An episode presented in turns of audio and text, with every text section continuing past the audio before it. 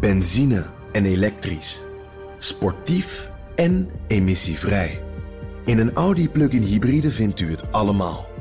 Ervaar de A6, Q5, Q7 en Q8 standaard met quattro vierwielaandrijving. Wat u ook zoekt, u vindt het in een Audi. Audi. Voorsprong door techniek. De column van Bernard Hammelburg. Duitsland is verslaafd aan Russisch aardgas en houdt daarom al jaren vast aan een nieuwe rechtstreekse pijpleiding Nord Stream 2 die bijna klaar is. Maar door de vergiftiging van de Russische oppositievoerder Alexei Navalny overweegt de regering van Angela Merkel uit het project te stappen. Wie het gelooft, mag zijn vinger opsteken. Over de pijpleiding woedt al jaren een fel politiek conflict. Polen en de Baltische staten zijn er fel op tegen. Amerika dreigt met sancties als het project echt van start gaat.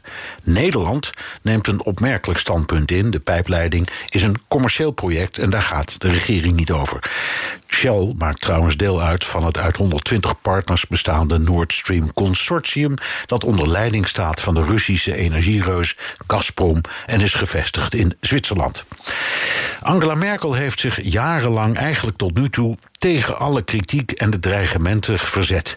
Over Nord Stream 2 was ze niet aanspreekbaar. Eerdere Russische aanslagen, zoals de vergiftiging van Sergei Skripal en zijn dochter in Engeland, veroordeelde ze wel, maar ze verbond er geen consequenties aan. Wat is het verschil tussen Skripal en Navalny? Ja, Navalny werd door een Duitse organisatie uit een ziekenhuis in Omsk gehaald en overgevlogen naar Berlijn, waar hij nu vecht voor zijn leven. Zijn Duitse artsen stelden vast dat hij in Rusland is vergiftigd.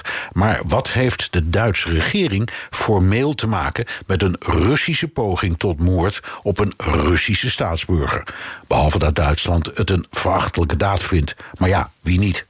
Maar het stopzetten van de pijpleiding, een project van 9,5 miljard euro dat bijna klaar is, dat gaan de Duitsers echt niet doen. Het afkopen van de verplichtingen, het juridische gevecht met het consortium is een nachtmerrie van kolossale omvang.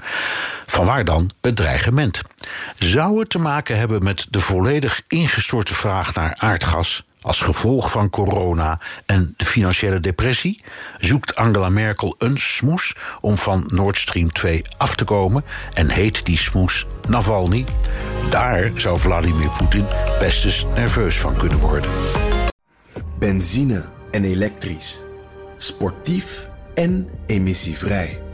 In een Audi plug-in hybride vindt u het allemaal.